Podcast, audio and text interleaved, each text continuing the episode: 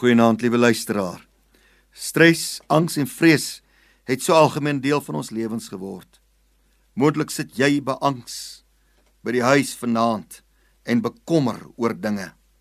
Moontlik vrees jy die toekoms. Ek gee vir u kortliks vier Bybelse beginsels om vrees en angs te kelder. Nommer 1: bid. Filippense 4 vers 6 en 7 sê: Wees oor niks besorg nie, maar laat julle begeertes in alles deur gebed en smeking met danksegging bekend word by God. En die vrede van God wat alle verstand te bowe gaan, sal julle harte en julle sinne bewaar in Christus Jesus. Vrede is die gevolg van gebed. Sorge van die lewe dompel ons gewoonlik in erge vrees, maar sodra ons daaroor begin bid, daal 'n bonatuurlike vrede van God neer wat alle vrees na buite sal dryf. Kom aan kry vanaand weer jou gebedslewe op datum en ondervind God se vrede. Nommer 2. Kelder vrees deur te onthou wat God vir jou in die verlede gedoen het. Psalm 34 vers 5 sê ek het die Here gesoek en hy het my geantwoord en my uit al my vrees gered. 'n Terugblik op groot uitreddings in jou verlede sal nuwe hoop laat opvlam en vrees kelder. Nommer 3. Maak verklaringe van geloof.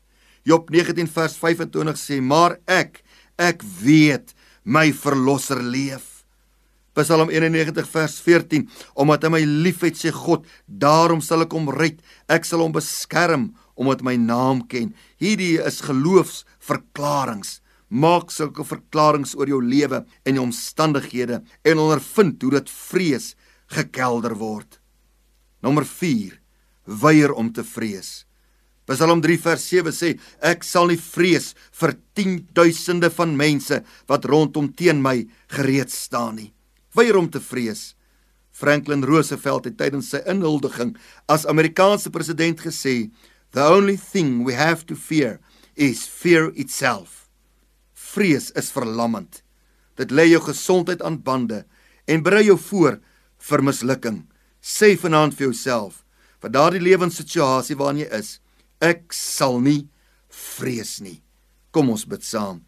Hemelse Vader, vandag neem ons beheer oor vrees in ons harte.